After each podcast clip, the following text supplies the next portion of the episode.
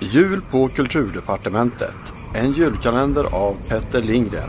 Avsnitt 22. Sådan är facitismen. Det där med vykorten var inte bara en täckmantel, förklarade den rullstolsburne mannen, utan också en av Säpos väsentligaste inkomstkällor. Han hivade fram ett slitet skinnband med titeln Facetism, Expansion, Complexity and Growth.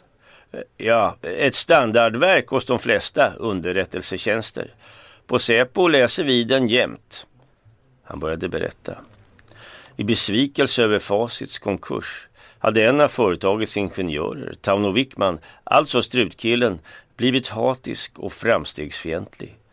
Han förutsatte sig att med alla medel, särskilt analoga sådana, försöka vrida klockan tillbaka och grundade den sedermera världsomspännande fascitismen. En eh, lika ljusskygg som framgångsrik rörelse.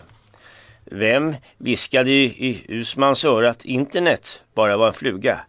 Wickman. Vem startade Trafiknostalgiska förlaget? Wickman.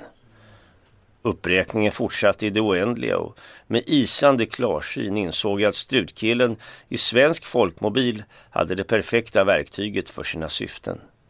Men var inte apparaten i modernaste laget?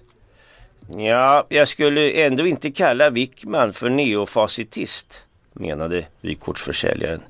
Han kan nog aldrig bli annat än pure vintage, eh, så att säga.